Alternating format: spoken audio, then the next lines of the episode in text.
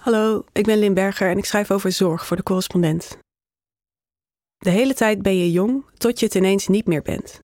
Maar wat betekent het om van middelbare leeftijd te zijn? Daarover gaat dit stuk. Mijn veertigste levensjaar vangt aan op Vlieland. Het is koud en ik ben misselijk, vermoedelijk door de oesters die mijn vriend de dag ervoor van het wat had geraapt en die we samen hadden verorberd, onszelf feliciterend met deze hoorn des overvloeds, gratis en voor niets, recht uit de zee. Ik krijg mijn cadeautjes op bed. Mijn dochter geeft me een paar sokken, mijn zoon een tekening waarop ik eruit zie als een klein, jarig heksje met een verfrommeld gezichtje en wallen onder haar oogjes. Van mijn vriend krijg ik concertkaartjes en een verjaardagskaart. Gefeliciteerd staat erop. Nog even geen midlife.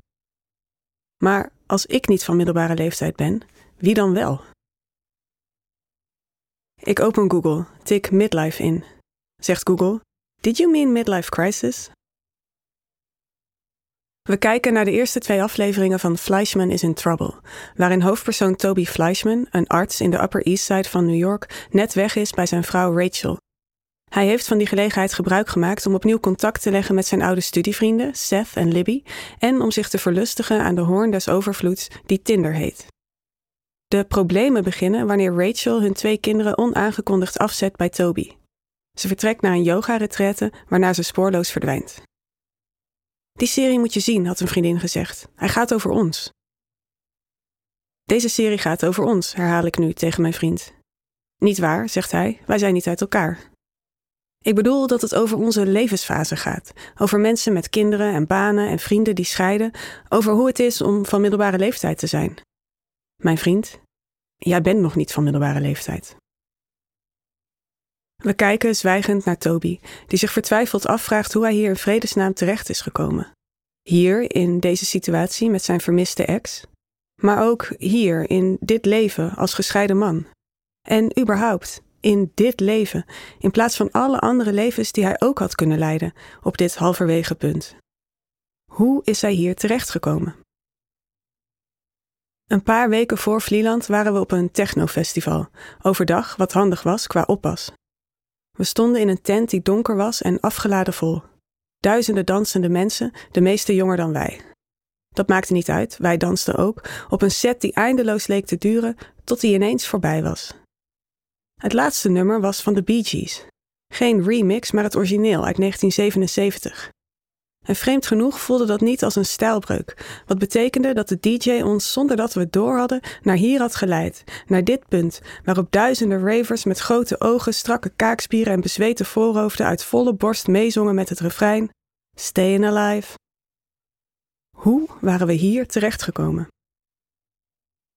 De hele tijd ben je jong, tot je het ineens niet meer bent. Maar waar ligt het omslagpunt? Niet wanneer je studeert of stage loopt of begint met werken. Niet wanneer je kinderen krijgt. Dan ben je eerst nog jaren een jonge, want nieuwbakken ouder, met kleine kinderen en alle attributen die daarbij horen. Kinderwagens, draagzakken, spuugdoekjes, zitjes op de fiets. En dan, ineens, zonder waarschuwing, hebben de kinderen allebei een eigen fiets, wil mijn zoon niets liever dan gamen en vraagt mijn dochter, die ik gisteren nog in die draagzak droeg, spuugdoekje paraat, maar dit jaar wordt ze tien, of ik haar wil vertellen over vroeger. Ik? Vroeger? Waarop mijn dochter zegt: Ja, vroeger, hoe de dingen waren in jouw tijd. Het is de ineensheid die me onrustig maakt. Kennelijk bevinden mijn kinderen zich in een nieuwe fase, wat betekent dat ik ook in een nieuwe fase zit. Maar ik heb de markering gemist. En als ik zonder het door te hebben ineens hier ben aanbeland, wat kan er dan nog meer ineens gebeuren? Wat de huisarts zei? Jonge vrouwen kunnen een blaasontsteking nog wel te lijf met cranberry sap. Jou schrijf ik een antibiotica-kuur voor.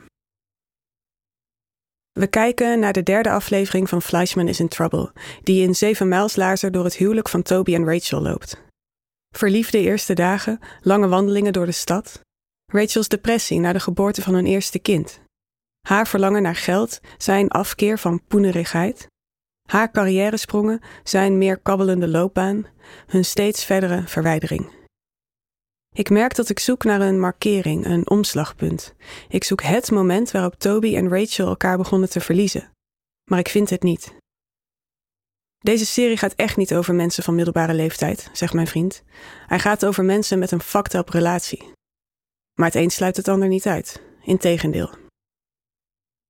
De term midlife crisis werd in 1965 geïntroduceerd door de Canadese psychoanalyticus Elliot Jacques in een essay dat Death and the Midlife Crisis heette. Het bereiken van het halverwege leven was chronologisch gezien een simpele zaak, schreef Jacques.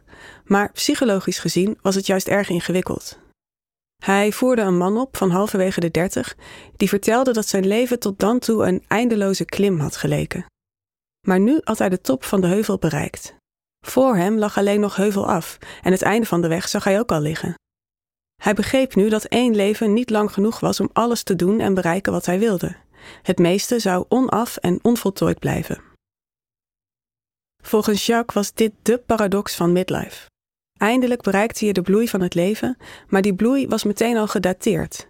Death lies beyond. De dood was niet langer een abstract gegeven, niet langer iets dat alleen anderen overkwam. En dat plotselinge besef van eindigheid leidde onvermijdelijk tot een existentiële crisis. Volgens Jacques kon die crisis heftig verlopen of mild, maar hoe dan ook, een crisis was het.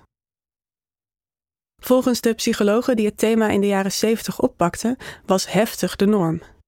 Het halverwege leven, constateerde zij, was een turbulent gebeuren. Mannen, vrouwen kregen beduidend minder aandacht in de vroege midlife literatuur, realiseerden zich dat ze afscheid moesten nemen van hun oude doelen en idealen en niet eindeloos de tijd meer hadden. Vervolgens moesten ze opnieuw koers bepalen, waarbij ze vaak experimenterend te werk gingen. Oftewel, ze veranderden tijdelijk in destructieve, potsierlijke of diep ongelukkige wezens met alle attributen die daarbij horen: de sportauto, het leren jek, de zeilboot, de veel te dure gitaar. Of minder materieel, het overspel, het polyamoreuze experiment, de echtscheiding. Dat inzicht sloeg aan. Mensen herkenden zichzelf in de midlife crisis of grepen hem aan om het gedrag van de mensen om hen heen te verklaren. En dit ging snel. In minder dan twee decennia groeide de midlife crisis uit tot een wijdverbreid cultureel cliché. Vermoedelijk heeft mijn onrust ook hiermee te maken. Het enige script dat de cultuur voor deze levensfase voorhanden lijkt te hebben, is het script van crisis. Van irrationele oprispingen, ongemakkelijke kledingkeuzes, radicale koerswijzigingen. En vooral van schade en verlies, van dingen die kapot en voorbij gaan, van verval en doodsangst en spijt. Is dat echt het enige dat het halverwege leven te bieden heeft? Wie heeft daar nou zin in? Misschien blijft mijn vriend daarom bezweren dat ik nog niet van middelbare leeftijd ben. En misschien hanteer ik daarom de tegenovergestelde strategie. Ik omarm het. Ik zoek naar boeken en artikelen over midlife, kijk naar series die erover gaan, stuur elk gesprek met leeftijdsgenoten richting het halverwege leven. Ik som de tekenen op waaruit blijkt dat het heus al lang is begonnen. De vriendin die ik hielp verhuizen na haar scheiding, de halve inboedel die meeging, het half onttakelde huis dat ze achterliet, midlife.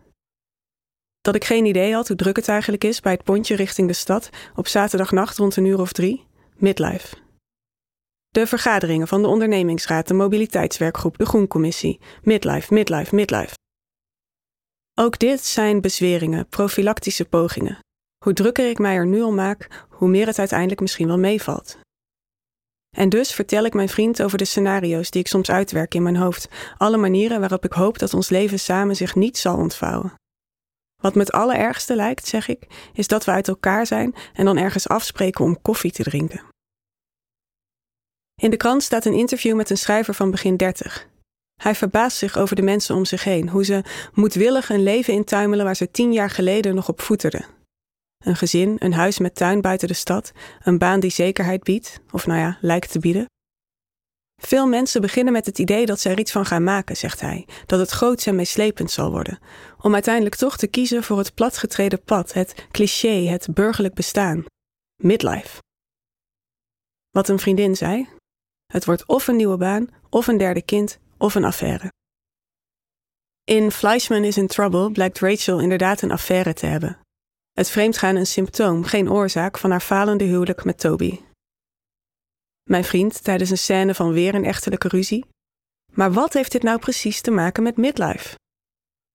Misschien alleen dit. Je hebt een bepaalde hoeveelheid tijd nodig om een spel uit te spelen. Het wederzijdse onbegrip lag altijd al in de relatie tussen Toby en Rachel besloten.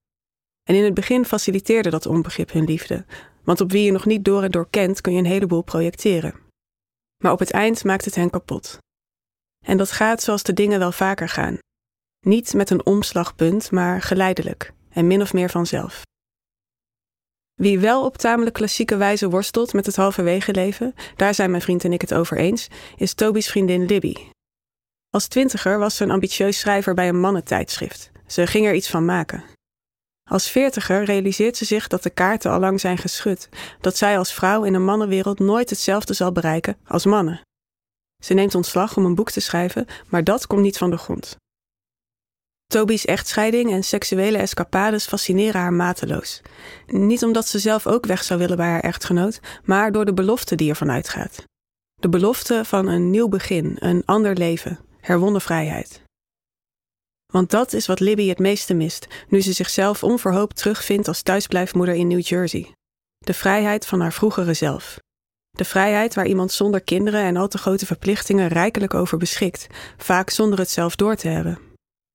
In Toby's nieuwe vrijgezellenbestaan weer klinken echo's van die vrijheid. En dus verliest Libby zich in het wel en wee van de arts. Haar eigen gezin verdwijnt hoe langer hoe meer naar de achtergrond. Pas aan het eind van de serie beseft Libby dat ze met vluchten haar jongere, vrije zelf niet terugkrijgt. Je kunt het toch niet winnen van de tijd, zegt ze. Je kunt het een crisis noemen, of gewoon voortschrijdend inzicht. De oppas vraagt naar welk concert we gaan. Oh, die ken ik niet, zegt ze wanneer ik de naam noem van de artiest. Nou, het oude mensenmuziek, verklaart mijn vriend. Ze zit op een kruk, de artiest. Ze schudt na elk nummer haar lange haren naar achteren en herschikt de schouderband van haar gitaar. Die kruk begint eindelijk te wennen, vertelt ze. I'm in my sitting era, now that I'm in my mid-thirties. Ze heeft lang genoeg gestaan, nu is haar zittijdperk aangebroken. In de jaren 90 besloot een groep Amerikaanse psychologen te onderzoeken hoe wijdverbreid de midlife crisis nu werkelijk was. Ze interviewden ruim 7000 mensen en wat bleek? De meeste van hen maakten helemaal geen crisis door. Sterker, hoe ouder mensen werden, hoe minder ze werden geplaagd door allerhande psychische problemen.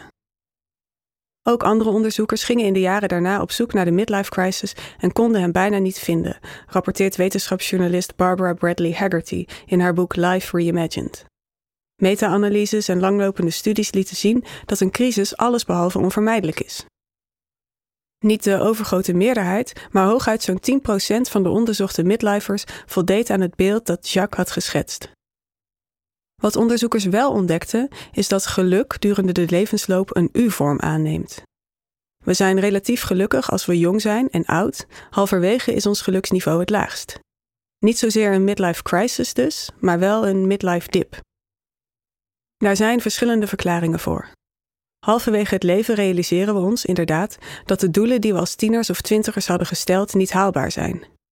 En dat maakt ons sip, maar het goede nieuws is: wanneer we na verloop van tijd nieuwe en beter te bereiken doelen omarmen, gaat ons geluksniveau alweer omhoog. Ook is het halverwege leven vaak erg vol. Vol verantwoordelijkheden, verplichtingen, zorgen en verlies. Gemiste carrièrekansen, kwakkelende ouders, zieke of gescheiden vrienden, hi Libby. En dus vol mogelijke redenen tot verdriet en stress. Maar, schrijft Haggerty, die volheid is tegelijkertijd het bewijs van een rijk leven. Alleen wie veel heeft, kan veel verliezen. Tegenover de midlife dip in geluk, ontdekte zij, staat dan ook een piek aan betekenis. Het script van de midlife crisis is dus vooral dat: een script, één verhaal, een mythe die we aan elkaar doorvertellen in gesprekken en boeken, in popnummers en in series, om er vervolgens overdreven op te anticiperen of juist van weg te rennen. Gefeliciteerd, nog even geen midlife. We kunnen andere verhalen vertellen. In de New York Times staat een publicatie over hoe midlife niet meer is wat het ooit was. De oudste millennials bereiken nu de middelbare leeftijd, schrijft de krant, maar hun, onze, levens zijn vaak nog veel te onzeker en instabiel voor een crisis. Of nou ja, aan externe crisis geen gebrek. Huizen zijn onbetaalbaar, de combinatie van werk en gezin is niet te doen, de aarde warmt op en iedereen is boos op elkaar. Maar midlife crisis, dat is een privilege. Rijke mensen zoals Toby en Rachel en Libby kunnen zich er misschien nog een veroorloven. Maar de meeste van ons zijn nog steeds druk aan het klimmen met geen idee wanneer en of we de top van de heuvel zullen bereiken. Het is alsof de tijdsgeest, die nog altijd weinig anders biedt dan het script van de crisis, volledig uit de pas loopt met de tijd, waarin zo'n crisis voor bijna niemand meer is weggelegd. Het is een pijnlijke diagnose, die op een perverse manier ook bevrijdend is. Een ander verhaal. Wat die jonge schrijver zei in de krant, dat mensen ondanks hun jeugdige idealen kiezen voor het cliché. Zijn die jeugdige idealen, dat geloof dat je er iets van gaat maken, niet ook een cliché? Zijn die niet net zo goed gebaseerd op een tamelijk beperkt script?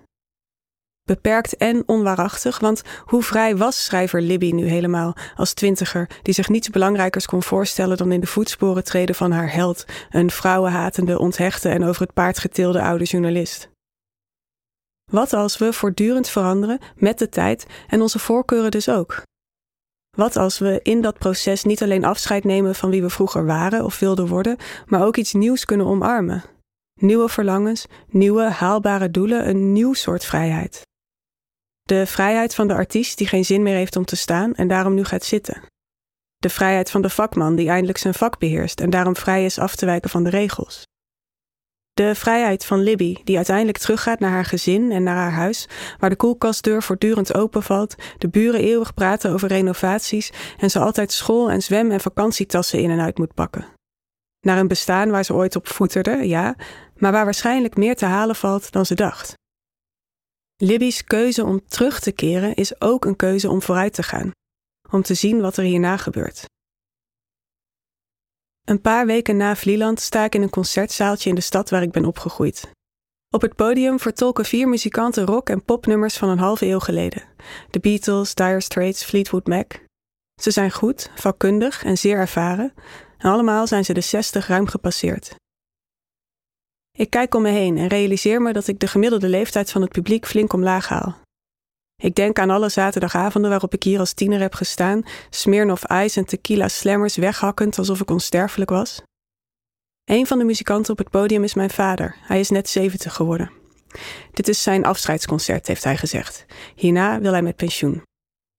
Ze spelen een nummer van de Rolling Stones. De zanger zingt hard, met lange uithalen, en het grijze, al lang niet meer van middelbare leeftijd zijnde publiek zingt luidkeels mee. Time is on my side. Je bent jong, tot je het ineens niet meer bent. Je gaat lekker op een technobeat, tot je ineens op een disco-klassieker blijkt te dansen. Je hebt oesters in overvloed, tot je ineens misselijk wordt. Je bent nog maar net begonnen en ineens ben je halverwege. En dan? Dan kun je angstvallig wachten op een crisis. Je kunt proberen het te winnen van de tijd. Of je kunt je gewoon meteen afvragen waar je nu naartoe wilt. Wat je nu eens zal doen met de tijd aan je zijde. Ik denk aan de fietstocht die we maakten op Vlieland door de duinen. Als je bergop moet, is het zwaar, had mijn zoon hijgend vastgesteld. Maar bergwaarts, mama, bergwaarts gaat vanzelf. Dan kun je lekker blijven zitten. Het is de missie van de correspondent om voorbij de waan van de dag te gaan. Onze correspondenten voorzien het nieuws van context en schrijven over de grote thema's van deze tijd. De correspondent geeft me de vrijheid om mijn nieuwsgierigheid te volgen en de tijd om verhalen te schrijven. En zo probeer ik onzichtbare structuren zichtbaar te maken en een andere kijk te bieden op debatten die het nieuws domineren. Dan gaat het minder over het spelletje en veel meer over wat er op het spel staat. Vanaf dag 1 zijn onze artikelen, boeken en podcasts gefinancierd door onze leden. Volg ons op onze journalistieke zoektocht. Overweeg eens lid te worden van de correspondent. En maak daarmee samen met ruim 70.000 anderen onze onafhankelijke journalistiek mogelijk. Dus word lid van de correspondent. Ja. Word lid. Word lid.